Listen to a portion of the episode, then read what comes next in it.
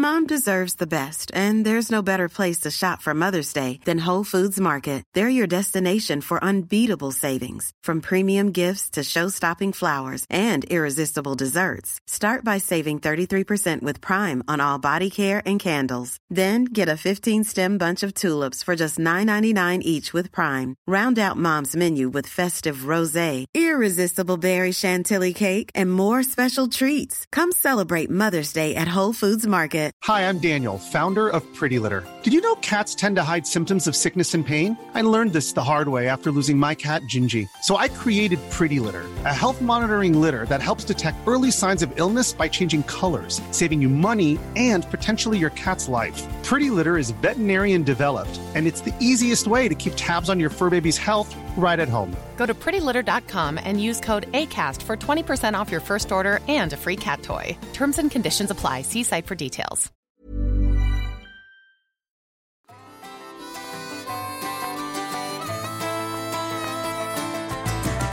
Hej och välkommen till Toppenjakt. En jaktpodd eh, med mig, Kalle Zackari Wahlström och, eh, och eh, Lars. Hej! Hej Lars. Idag, idag, Eh. idag blir det en alternativ podd på två. Ja men exakt, vi brukar ju vara tre pers i den här podden. Vi har haft det som en tradition. Förra veckan var vi fem och för att kompensera för att vi var så jävla många sist så kommer vi vara extra få idag. Och jag har karatebra ljud hoppas jag. Oj oj oj. Ja vi får se. Eh, vi har ju en smed som klipper vår podd. Eh, han heter Nils Ögren. Han är ju duktigt less på att ni har så dåligt ljud i era mikrofoner. Men nu hoppas vi att du lever upp till hans högt ställda smedförväntningar. Ja, första och gången, första gången vi testade med han så skickade vi ju testfil på ljud. Jag vet inte om jag berättade det tidigare. Och då skickade jag en ljudfil till han och han bara ja men det låter jättebra, ändra ingenting. Jag hade kopplat in micken. Men sen glömde jag ju stoppa i sladden. så Han tänkte kanske att han inte behövde säga det, att du ska stoppa in sladden Lars. Men Ja. eh, han måste ju trott att jag var helt dum i huvudet när jag skickade riktiga ljudfilen sen. eh, du, har du hämtat dig efter eh, din, eh, ja det var väl nästan en vecka här nere i, i Stockholm, Ja. Stockholmsområdet. Ja, ja det, det är gränsfall. Ehm, man blir ju godesliten med väldigt lite sömn. Och, Ja, det sista, sista som jag såg av dig, det var ju, eh, vi var ute och jagade vildsvin på natten. Eh, jag ska berätta mer om det alldeles snart. Men, men eh, och, och sen skulle ni då köra 12 mil, klockan var väl typ ett på natten. Ni skulle köra 12 mil till Uppsala, sova där och sen köra dagen efter till Luleå. mm. Ehm, Ganska drygt eller? det var ju drygt att köra, men det var sjukt värt. Vi stannade och käkade korv och drack kaffe och sånt där. Men det var ju sjukt värt, för annars skulle vi ju suttit fast en timme i bilkö genom Stockholm på morgonen. Det är inte värt. Du, eh, vi var ju ute och jagade eh, vildsvin på natten. Det var ju dit vi skulle precis när vi slutade spela in förra avsnittet. Mm, på mm. den. Eh, och det var ju, fan vad mäktigt det var. Alltså sjukt mäktigt. Det, det, Du filmade ju det här för, för YouTube och eh, du hade ju då eh, filmkamera, jag hade ju nattkikare. Det, jag tänkte på det, det måste ha varit så jävla konstigt. Jag stannade hela tiden och kollade den där kikaren för att se olika värmekällor, kolla på olika dovhjortar. Och då var det ju helt mörkt för dig. Ja, och mörker och filmning, det går ju väldigt sällan bra ihop. Jag hade typ ISO 20 000 eller någonting. Men ja, men jag tror att det kan ha blivit bra faktiskt. Det var ju sjukt spännande. Det var så jävla roligt. Eh, direkt vi hoppade, hoppade ur bilen och skulle börja smyga så, bara, så la jag mig med, med, med mitt det där eh, pulsar-mörkersiktet och spanade och bara helvete! Det är 25, nej 35 vildsvin ute på, åh herregud, vi måste börja smyga. Så började vi smyga så bara kom man lite närmare och bara aha, de har jättelång hals. Det var dovhjortar. Alltså, och, och det var inte en dov, alltså helt sjukt att det finns så många dov som hänger i gäng. Ja det är helt sjukt hur mycket dovhjortar det finns. Ja, verkligen. Jag, jag vet att alltså, jag jagade förut i, eh, i Östergötland, eller Sörmland precis på gränsen mot, inte Östergötland, ja, längst bort i Sörmland. Eh, typ Vingåker. Där var det så mycket dovhjort så att de, de tyckte liksom att det var som råttor. Alltså de, Mhm. de såg det bara som ett problem. De kom in i trädgårdar och käkade upp äpplen fast det var folk hemma och så här. Alltså de är liksom helt, ga, det blir helt galet mycket dovhjort. Ja, ja, och jag det är ju vet, spännande för det, det, det är liksom en så bra resurs. Det är ju jävligt gott kött. Det är ju nästan ett av de godaste viltkötten tycker jag. Mhm. Eh, och jag vet inte hur man bedriver viltvård på dov. Jag har en kompis som berättar, han jagar norr om Stockholm. Och där, eh, han som ägde marken där, han ville inte ha dov för att eh, jämfört med rådjur så betar tydligen rådjur ganska högt upp i, i gräset på marken. Men en dov betar som långt ner så det dödar viss eh, åkermark. Och eh, då gör de ibland sådana här testrutor så man stängslar in en bit av Just åker. det. Och då ser man skillnaden liksom där, får, där inga djur kommer åt och det är tydligen en ganska Ja. stor skillnad.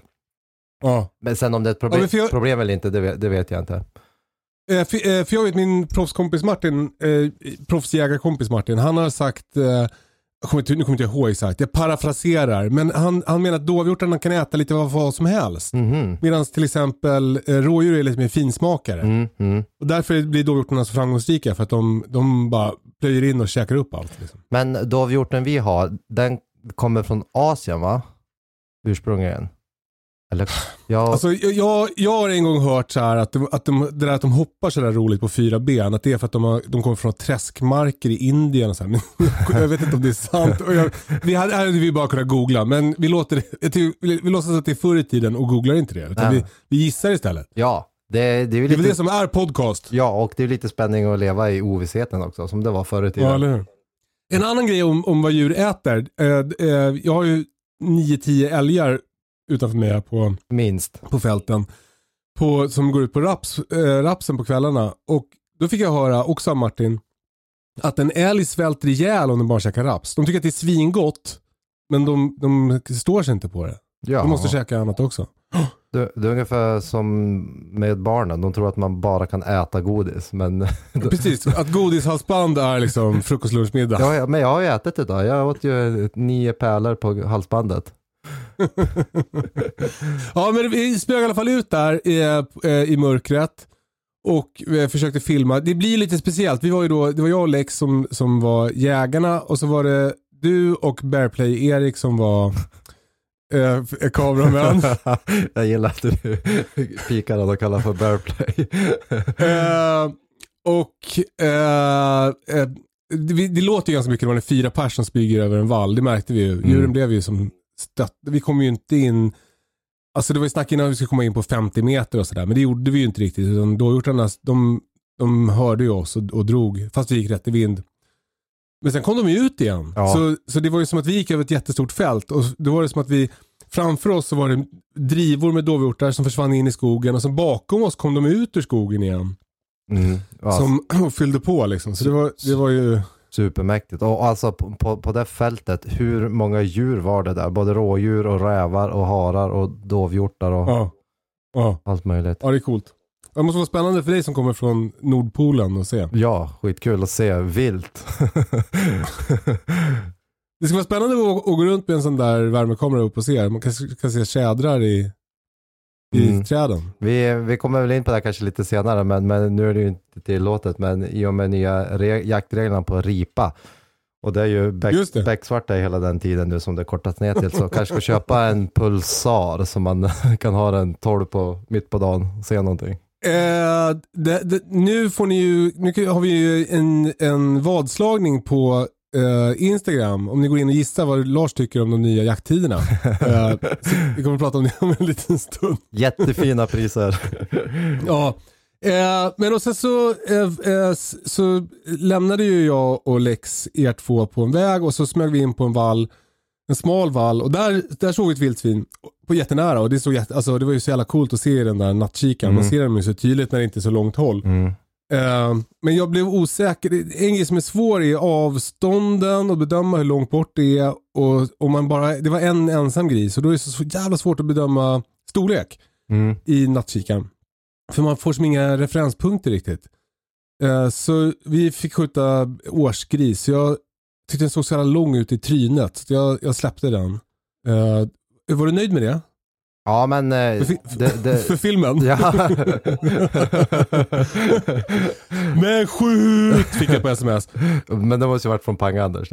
Nej men det var, ju, Ja. det, var, det var ju jättebra. Det är ju bättre att vi tar ett, ett bra skott och gör rätt ifrån oss. Och sen får vi se om det kommer på, på film eller inte. Men det, det blev ju Ja. bra utgång i alla fall, eller hur? Berätta. Ja precis, för sen, sen såg Lil Love och Pang-Anders eh, såg tre årsgrisar ute på en annan vall och så då smög vi dit. De hade lite dålig vind så de sökte skydd bakom en, st- en stor eh, stenbumling och sen så smög jag och Lex på söderifrån. Och eh, ja, det var en jävla cool anspridning alltså. För de, eftersom de inte ser en så man kan ju gå helt öppet. Mm. Och så hade vi bra vind. Och, men, men det är det där med avstånd, man fattar liksom inte riktigt hur långt bort man är. Så, så bara, och så bara, alltså bara, jag ska lägga mig ner nu. Så bara, jag lägger mig ner och så bara, nej men jag kan nog smyga lite närmare. Ställa mig upp, smyga lite närmare. Så bara, ah, här är kanske bra. Ah, gå lite närmare. Och sen kom jag in på, ah, kan det ha varit 90 meter kanske? Ja. Då, då stod de, de tre och, och beta gräs eller käka mask eller någonting. Och eh, så sköt jag en. Och då sprang de andra två eh, över fältet in i skogen. Men, men då tänkte de att de var säkra när de kom in i skogen. Så då, då lyckades jag skjuta en till där. Det var en ganska cool grej att få reda på med hjälp av, av eh, det här nattsiktet. Att grisarna liksom inte råkutar när de kommer in i skogen. Mm. Och det ser, Utan man, ju- de- det de- ser man ju på filmen, det ser ju skitmäktigt ut. Ja, de springer satan över fältet och sen så saktar de in när de kommer in bak- bakom några buskar. Så gick de upp på, på ett hygge och då tänkte de att de var säkra. Eh, Det var de inte. Så det var jävligt lyckat. För, för första du sköt, märkte de någonting om er närvaro? Att ni var där eller var de helt trygga? Ja, de var helt trygga när jag Ja, sköt. ja. När, när skottet gick. Ja. Och sen när, när det smällde så sprang de ju såklart. Eh, men uh, ja, de var verkligen helt trygga. Och det jag tror att det där, eh, alltså Lex brukar, han, han har ju jagat ganska mycket med termiskt och han säger att, att, att han brukar försöka komma in så pass nära så att de, så att när de precis börjar så här, vänta är det något på gång? Mm, mm. Då skjuter han. Eh, men jag, jag tog det säkert för det osäkra. Jag ville liksom inte fucka upp det där när vi, när vi skulle filma. det hade varit så jävla tråkigt att göra en film och så blir det ingenting. Det, det vill vi ju inte se. Nej, två, två idioter som går runt och tittar nattkikare i 40 minuter. Det blir... Precis, jättemörkt. Ingen ser något dåligt ljud. Alla viskar. Ja, men också, det var ju väldigt coolt också för, för man kan ju filma i det här siktet. Eh, så, så jag tryckte på rec och så vi har båda skotten på film. Det kommer att komma i vår YouTube, på vår YouTube-kanal Toppenjakt. Mm. Inom en snar framtid va? Ä- ä- absolut, absolut. Så det är... Det är du som klipper så vi får se när den är klar. Eh, det tar ju sin tid. Alltså det svåraste med att klippa, om jag filmar vanlig, vanlig film som inte är Ja. running gun, eh, då kan man ju liksom planera och liksom ta om och justera inställningar. När det liksom är live tänkte jag säga, när man liksom springer runt. Då, dels är det ju många grejer man måste justera hela tiden och hänga med och ljud och sånt där. Och sen när man kommer hem, då har man ju så sjukt mycket material. Och ibland, Ja. ibland måste man liksom, fan, det hade inte det där klippet för att få ihop det. Och, och, eller oftast upplever jag tvärsom, speciellt när du är med Kalle. Det är så mycket bra snack, eller när du och Peter var tillsammans. ja. liksom bara, vad, Peter Ekeström. Ja, precis. Man vill ju visa allt, allt är så bra, men man kan ju inte släppa eh, 93 minuter YouTube-film. Så det måste man ju liksom sålla bort också, så det, det tar mest tid. Men du, eh, eh, jag tänkte vi skulle prata om det där med att filma jakt. För, för det, det har ju vi börjat med nu. Mm. Eh, vi har ju börjat, vi har gjort en YouTube-kanal och vi har det här Instagram-kontot där vi lägger ut eh, bilder och filmer och sådär. Va, va, hur tycker du att det känns? Tycker du att det finns något problem med att dokumentera jakt på det här sättet? Nej, det tycker jag inte. Det är ju det är lite nytt för mig, det är väl nytt för oss alla ska jag väl säga. Och, och lär mig så mycket saker varje gång vi filmar. Och, och Ja. det bästa sättet att bli bättre på det man håller på med, det är ju faktiskt att göra det skarpt. För, Ja, för då, blir, ja. då blir det på riktigt. Plus att alla, alla små fel man gör och sånt, det skiner igenom så tydligt när det liksom är eh, på riktigt. Just det. Eh, Men, och vad filmar du med för utrustning nu? Det kanske är någon som tycker att det är intressant. Ja, jag filmar med en Sony A7 i 3 tror jag den heter. Alltså en, en systemkamera i det va? Det är en systemkamera. Det är en Ja. hy- hybridkamera. Man eh, både fotar och filmar med den.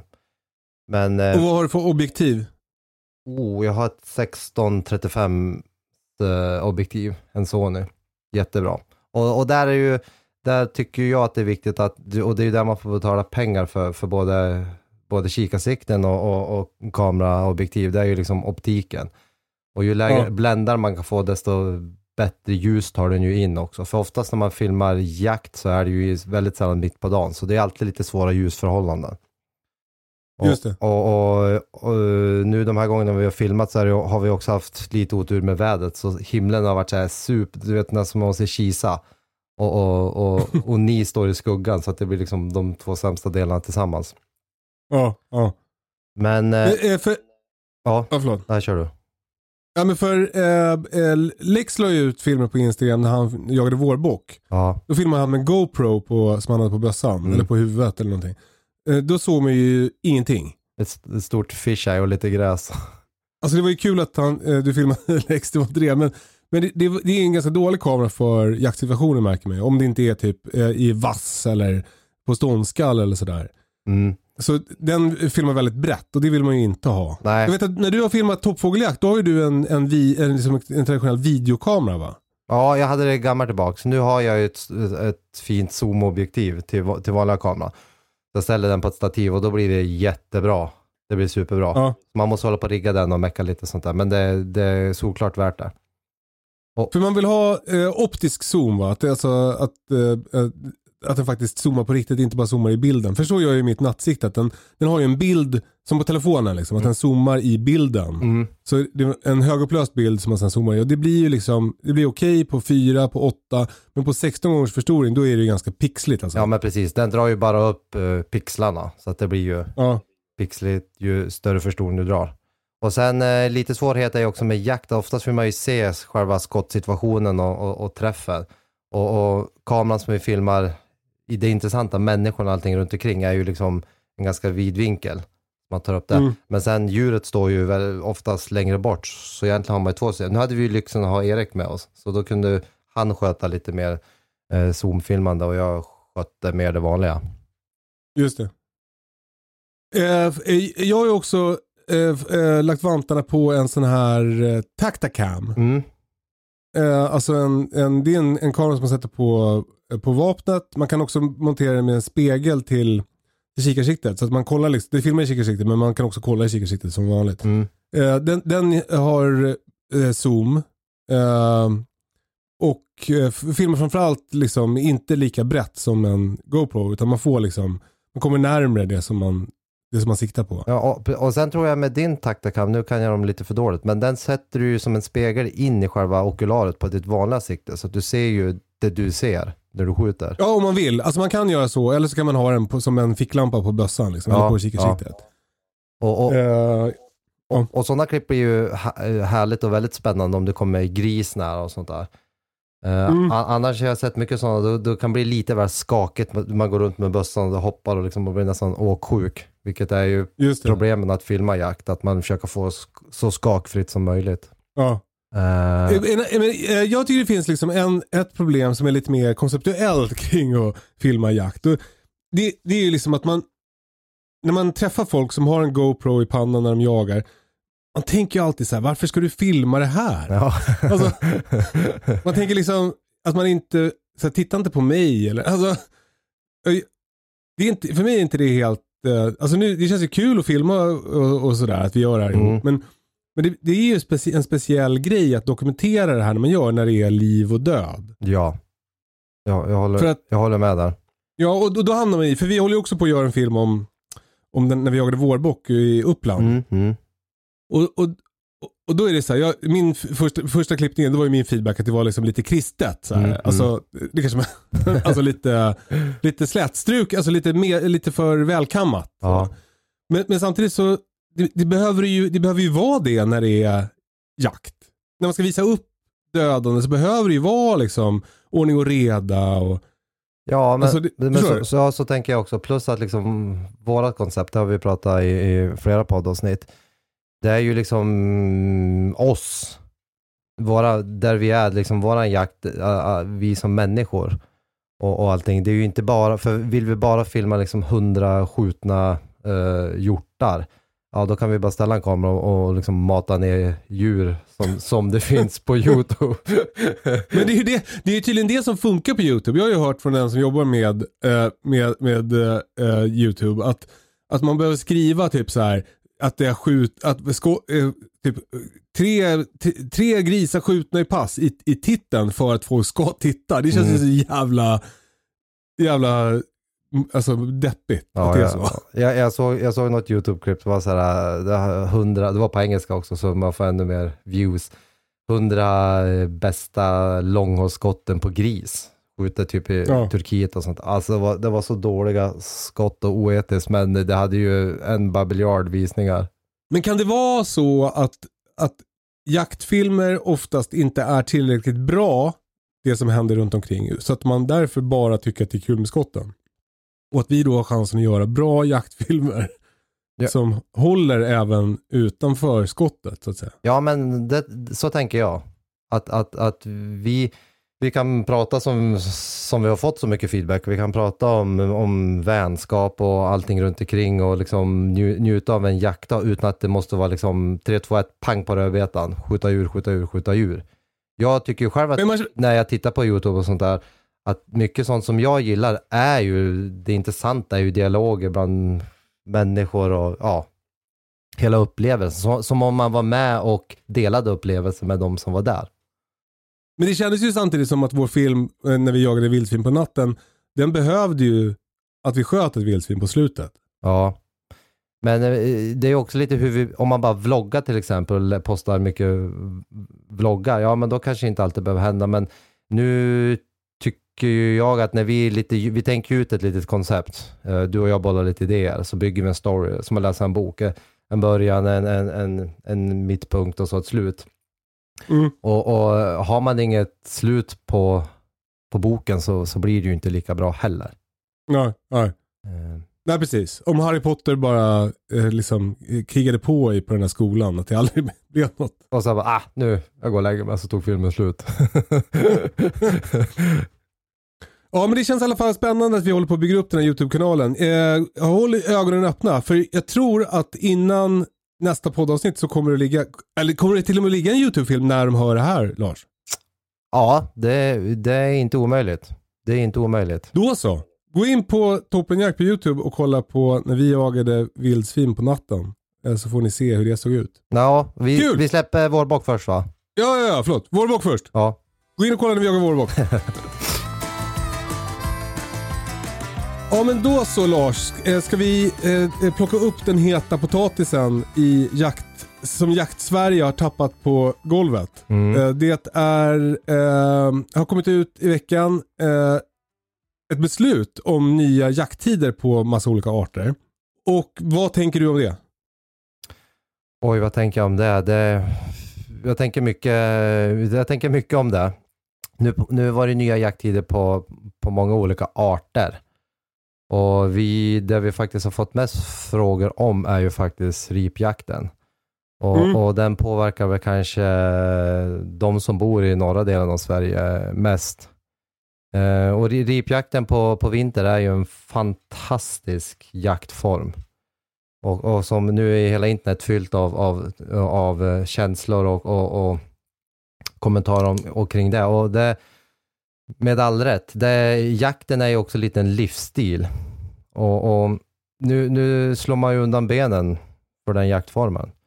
Och då är det många... Ja, du är emot det här. Alltså, eh, det som har hänt då, säg, säg de, eh, hur det var förut. Förut fick man jaga ripa från eh, eh, 25 augusti till 15 till mars. och när var det man helst ville jaga? Vinterjakt på ripa vill man ju helst jaga på slutet, det är mot 15 mars. Nu har man ju kortat, För att? nu, ja, nu har man ju kortat ner det med en månad och för att man vill göra det är ju på grund av de eh, naturvärldsliga förhållandena. För att om man nu, som man nu när man kortar ner det med en månad, i, i februari så är det ju jättemörkt fortfarande. Det är både svinkallt, mörkt och, och, och jävligt i fjällen. Så att det, det, det är knappt dagsljus, så det går ju inte att bedriva jakt om det inte är dagsljus. Sen vissa vintrar när det är vintern är sen eller att den har varit lite så här halvstökig som den faktiskt är nu, då är inte alltid isarna ligger. Många leder går ju eh, över isar. Det kan vara jättelite snö och alltihopa. Och mer mot våren, då har vi ju haft tillräckligt med snö. Snön har packat ihop sig så att den bär lite och man kan ta sig överallt. Men, ehm, men framförallt eh, dagsljuset är ju den som påverkar mest. Ja, för 15 mars, då är vi inne i den femte årstiden, vårvintern där uppe. Mm, Och det är vi inte 15 februari. mm. Utan då är det kärvt liksom. Ja, och, och det är ju fantastisk tid att vara, vara i fjällen då. Men, men får jag då fråga, eh, varför har de kortat ner jakten med en månad? Ehm, det vet man inte riktigt. Jag har läst många krönikor om det här och opinionsskribenter och sånt där. Och det som är konstigt är ju att, att eh, Naturvårdsverket och, och även forskning och sånt visar, och förslaget låg ju väldigt länge att, att den nästan till och med skulle förlängas. Så det kom ju Mhm. som en blixt från klar himmel att, att man kortade ner den i eh, en månad. Eh, Men spekulera lite då. Är det liksom, eh, är det bara att någon har, har liksom eh, sluntit på tangentbordet och sen så låtsas som ingenting och får stå, stå, stå fast vid det? Eller är det, finns det liksom någon som har tänkt någonting kring det här? Vad tror du? Ja, men det finns ju alltid motparter i- det hela. Så det finns ju då några som vill att den ska kortas ner. Och, eh, men alla som gör det på riktigt, och forskning och, och de som ändå jobbar med det, tycker att det, den kan vara som den är eller också förslagsvis att den kunde vara lite längre. Sen, sen, utan, sen utan att bli helt politisk i det här så, så, så sitter ju liksom, ja, de som bestämmer idag tycker ju lite åt ett håll så att säga. Och, och lite, lite kan vi, jag känna också när man ser, när man läser då, eh, nu har de inte varit att gå ut och kommentera, men jag såg, jag läste en artikel i, i Norrländskan att eh, citat, vi ska se här. Eh, säger dock Jenny Nilsson att hon inte har någon erfarenhet om vilken typ av ripa man jagar när. Och det känns ju också lite, det- okej, Ja, men, det, det är lite mer som jag trodde då, att det är någon som bara, ja, vi kör 15 och sen så bara, eh, det var jättedåligt. Eh, ja, vi, vi kör på med 15, nu, vi, nu går vi vidare. Typ så. Ja, och, och sen påverkar det. Det är ju ändå många som livnär sig situationstecken på, på ripjakten, både som turistnäringen och, och, och de som uh, sköter, ja, säljer jakt och sånt där. Och, och jag läste också någon som i de här fjällkommunerna, det är ju det är många som blir attraktiva faktiskt att kanske flytta upp till, till inlandet i norr. För att, för att det finns så exotiska upplevelser nu, men nu finns det ju bara mörker och misär. Ja, men det kan, det, det, nu tycker jag att du drar på för stora växlar. Det kan inte vara så att någon väljer att inte flytta till Norrland för att ripjakterna förkortas med en månad. jag, jag, De kommer få gå från sina hem och barnen kommer att dö av svält när det inte finns ripkött att äta. Nej, nej, det, var, det, var, det var en artikel jag läste från Arjeplogs kommun om några som skulle gå emot det här. Då. Eh, och, Ja. och där var det en sån sak som de tyckte då, att de blir mindre attraktiva som kommun om man inte också, för många kanske flyttar upp på grund av jakt och fiske. Eh, Ja. Så det var, det, det var taget i det sammanhanget. Ja men alltså jag, jag kan förstå det där och jag, och jag förstår också frustrationen. För det, man, det är ju, eh, om man har, liksom har en grej man håller på med, gör på sin fritid, så helt plötsligt så är det någon som bestämmer att man inte får göra det längre. Det, är- det, är- det är ju frustrerande, man känns väl maktlös. Och speciellt om man är en sån som bor liksom där uppe någonstans, långt ifrån eh, eh, myndigheter, långt ifrån liksom eh, från statsapparaten. vad man ska Mm, säga. mm. Man tycker kanske att man känner sig lite lämnad åt sig själv.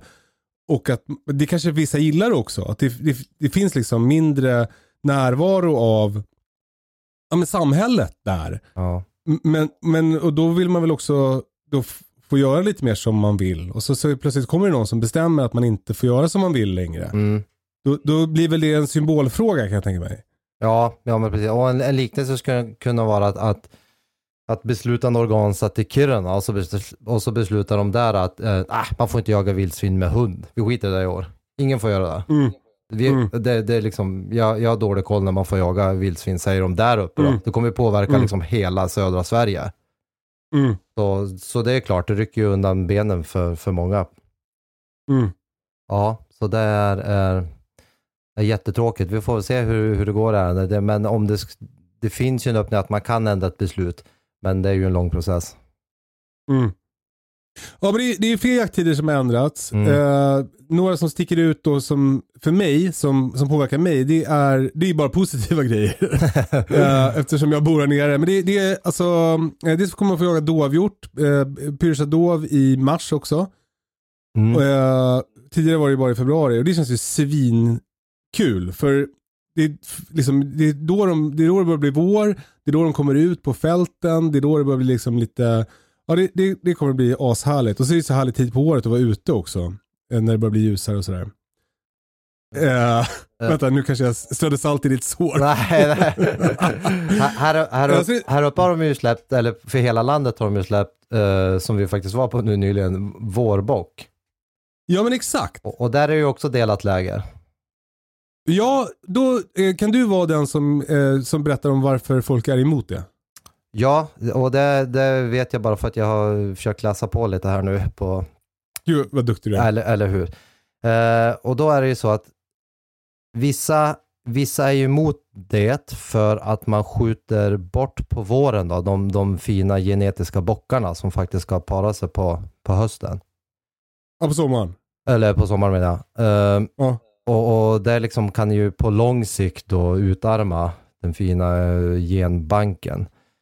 Sen, sen som vi pratade om du och jag Pangan 24 avsnittet att, att forskningen visar ju då där man har haft vårboxjakt att det inte påverkar nämnvärt.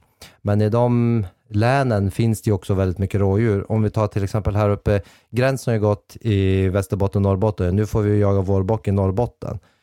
Här, ja, kanske kan bli lite känsligt för att vi har ju inte så mycket rådjur här uppe. Nej, Nej just det. Det är ju en lyx de som lyckas skjuta en fin bock på, på, på hösten. Mm. Så nu får vi jaga den på våren när det kanske är ännu enklare. Så kanske utarmar stammen ännu mera. Mm. Eh, och då är ju liksom debatten då, ja men nu när beslutet är så, då kommer det ligga i jägarnas händer att sköta det här snyggt. Men du vet, mm, kanske klia lite för mycket i vissa fingrar och ja, du vet det, Mm. det vanliga.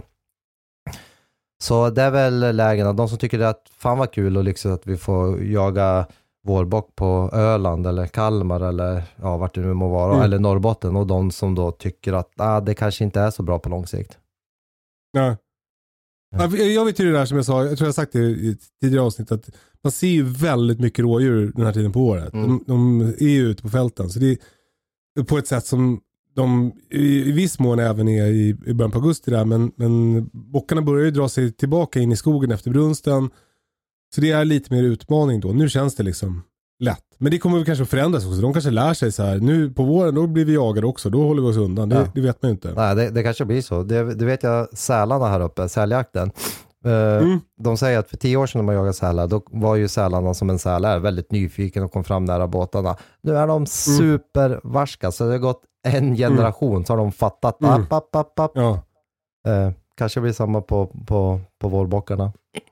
Det där är så jävla coolt tycker jag, att det funkar så. Det, är, alltså, jag, jag, det här är ju högst ovetenskapligt och väldigt, eh, liksom, det här är ju eh, eh, liksom bara jag som har upplevt det. Eller jag börjar snacka med mina jaktpolare också. Men att det, det vildsvinen lär sig också. De, alltså de blir lite eh, tuffare på hundarna, de går Mm. oftast, eh, oftare i vattnet, simmar. Mm. Det har de lärt sig, det funkar.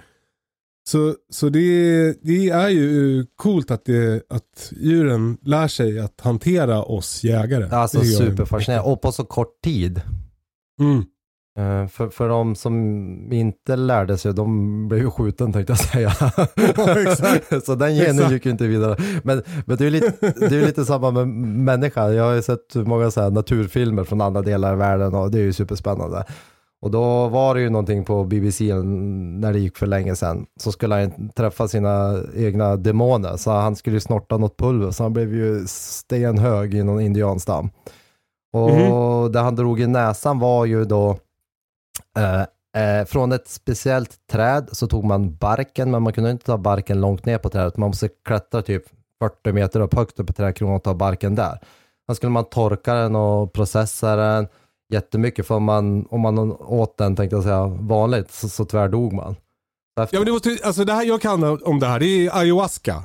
Alltså det är så här, som en psykedelisk drog som de tar i Amazonas. Ja, det, precis. det är barken från ett träd, men, men kroppen har ett enzym i, som bryter ner det, alltså, det akt, den aktiva substansen i den här eh, eh, barken. Mm. Då måste man ta en annan växt som, som motverkar det enzymet. Som Ja. gör att man kan ta till sig den här den psykoaktiva effekten i, i eh, barken. Så, så då är det någon som har kommit på då att om du, om du, om du kokar ett som ett T gör man typ. Ja, På de här två olika ja precis växterna.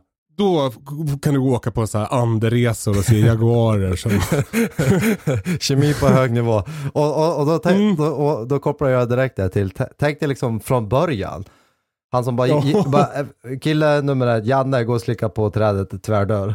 Och så liksom kom- kommer nästa dude. Ja, eller det händer, de tar först bark och så händer det ingenting. Men de bara, nej men jag tror ändå att det är någonting med den här barken. Vi provar med den här växten. Nej, händer ingenting fortfarande. Ja, men jag tror ändå att det är någonting med den här barken. Vi provar med den här växten. Och så bara testar sig igenom alla hundratusentals arter som finns i Amazonas. Och till slut så bara blir man helt fucked up. Och då bara, ja, vi har det. Yes, yes. Och han dog inte, nu liksom det har dött Ja, 400. Janne, Janne sitter och rullar med ögonen och skiter på sig in i tältet där. Det verkar toppen. Vi, vi kör på. Och, och, och då, bör, då börjar det roliga, hur kan vi liksom optimera den här effekten och allt sånt där. Så Jannes barnbarn, de har ju superlyx, de bara, åh vi har liksom det guldreceptet nu hur man gör. Eh, men, men det känns, eh, men för att återknyta till de här jakttiderna då. Det känns ju som att jägarkåren är ganska eh, eh, konservativ, minst sagt. Mm. Alltså man vill att det ska vara som det alltid har varit. Mm. Eh, det ska jagas eh, hare och det ska vara liksom, Ja, det ska gå långsamt och det ska vara jakttiderna ska vara som de alltid har varit och sådär. det, Så, det har blivit förlängd jakttid på älg i norr också. mm, kul. Uh, nu är inte jag den typen av älgjägare som du vet Kalle. Men eh, om jag förstår den debatten rätt så är det ju då, om man, det ska ju alltid, allting ska ju alltid ställas mot varandra. Men då, om, och skogsbolagen vill väl inte ha älg och, och vice versa. Och sen är det ju också här uppe i norr då, om, om det är mycket snö är ju väldigt oetiskt att de inte kan ta sig undan om man kan skjuta mycket älg. Så det där, det där kommer väl att också debatteras framöver misstänker jag. Ja. Det, kan vara för att jag inte riktigt drabbas av någon av de här eh, liksom, restriktionerna eller vad man ska säga. Jag, jag, tycker, jag, jag är lite mer såhär, jag bara, ja ja, nu är det så här, då, då jagar jag så. Mm. Alltså jag, jag har inte så... Eh, och jag, jag, jag inser att det kanske också är en brist i mig i det här. Att jag, jag, jag, skit, jag skiter liksom lite i det här med utarma den genetiska bla bla bla och för man får jaga vårbock och så. Jag, Mm. jag önskar kanske att jag var en sån som tänkte lite mer på det. Men jag, jag, jag, där är jag nog ganska självisk. Liksom, att jag, tycker att det, det jag, jag tycker det verkar kul att jaga vårbock. Så då, då är jag för det. Mm. Ja, men Eh. jag, jag är väl också lite så här, jag, jag, jag orkar tyvärr inte. Jag är ju fel, fel människa att liksom skicka fram på, på fronten, utan, utan nej, men nu är det fattat ett beslut. Det hjälper inte att gnälla, även om man kan liksom då påverka och lägga fram då fakta i saken och liksom, ja, kunna få till en förändring.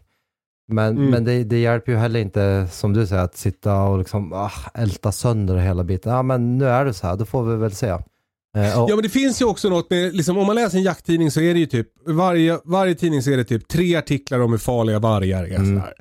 Det finns ju något som är, det, finns en sån jävla spricka mellan jägarkåren och beslutsfattarna. Och det känns så jävla, av den här eh, Hedin, eh, Karl Hedin målet känns det som en sån symbol för det. Där, eh, jag, orkar inte ens gå in på detaljer i det där. Jag, jag, det känns som för snårigt. Men, men det finns ett problem i, som, eh, eh, i sprickan mellan, mellan jägarkåren och de som bestämmer. Mellan stad och landsbygd som, som jag oroar mig lite. Jag tycker Mm. att det känns eh, det känns som en, eh, som en farlig väg att, att liksom gå. Eh, och det handlar inte, alltså jag, jag, för, mig handlar, för mig handlar det inte om att jakttiden på ripa är förkortad. För mig handlar det om det där, liksom, eh, ska vi hålla ihop som, som nation så, så funkar det inte att om man bor eh, liksom på eh, landsbygden i Norrlands inland så, så stöter man inte på staten.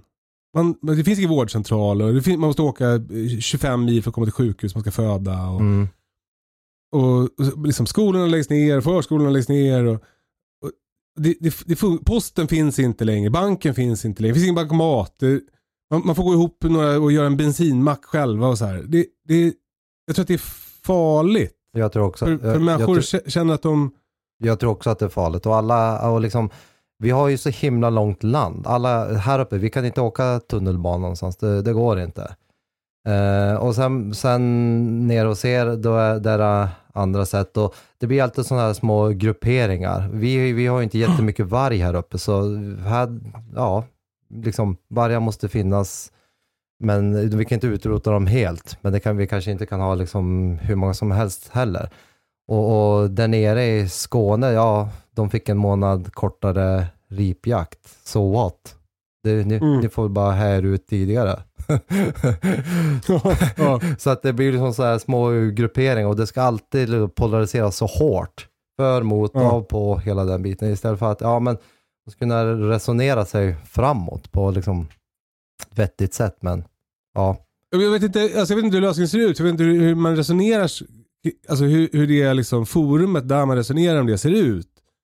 Och, och, och det måste ju vara någon som bestämmer. Och jag fattar att om man jagar där det finns varg så hatar man vargar för de biter ihjäl hundarna. Liksom. Mhm. Och har man får och det finns varg så biter de ihjäl fåren och då hatar man, hatar man vargarna. Då, jag fattar det liksom. ja, Jag- Och jag tycker det känns, det känns jävla knäckande. Och Men jag tror att vi måste hitta någon slags liksom, gemensamma lösningar för Ja, jag, jag vet en som, är så varg, som tycker väldigt mycket om vargar. Han håller på och hjälper eh, lantbruk att sätta upp eh, vargsäkra stängsel till Mm, exempel. Som mm. en sån här, alltså typ eh, försöker hjälpa till att lösa problemet åt folk. Och det tycker jag, det tycker jag lät eh, eh, väldigt fint. mm, Att man försöker liksom, hitta lösningar. Det är därför som det är så frustrerande då att inte veta var, hur, liksom, hur motiverar de det här beslutet att förkorta ripjakten? Ja, men precis. Varför, Och- är, och- var- varför försvann det en månad? Om det var så då, typ, om, om det fanns så här, ja men då det rip bla bla bla stammen eller det är så många människor som vill vara i fjällen och det inte, känns inte tryggt när folk håller på och skjuter där. Alltså, förstår du? Om man- det fanns något som man Mm, kunde mm. säga säga att det var, då kanske det skulle bli lättare att förstå. Men som det är nu så är det bara, eh, eh, dra till helvete, ni får inte jaga. Då, det känns så... Och, och just, Det känns efter, just, och just eftersom det också går, just ripjakten, att det går emot forskningen och det går emot Naturvårdsverkets förslag. Och så att det liksom, all, all, all fakta som läggs fram i de här forumen då, de har ju lagt fram att nej men vi kan snarare förlänga den lite och så liksom kommer beslutet och då är det liksom helt tvärsom. Det är det tycker jag tycker Men är lite skrämmande. Är det inte fint att ni också får längta väldigt mycket till ripjakten på hösten då?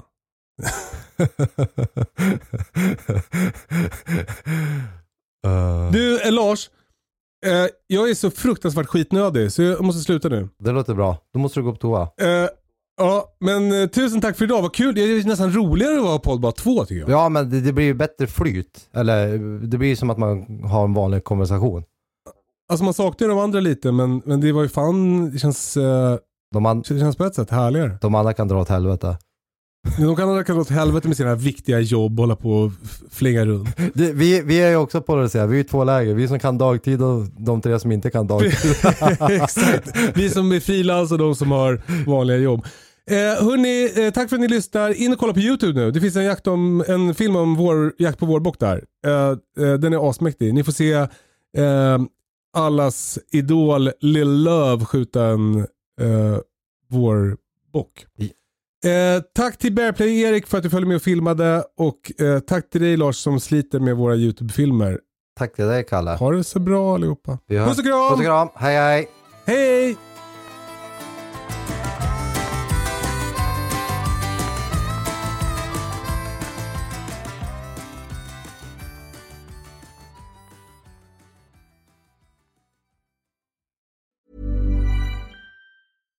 Hi, I'm Daniel, founder of Pretty Litter. Cats and cat owners deserve better than any old fashioned litter. That's why I teamed up with scientists and veterinarians to create Pretty Litter.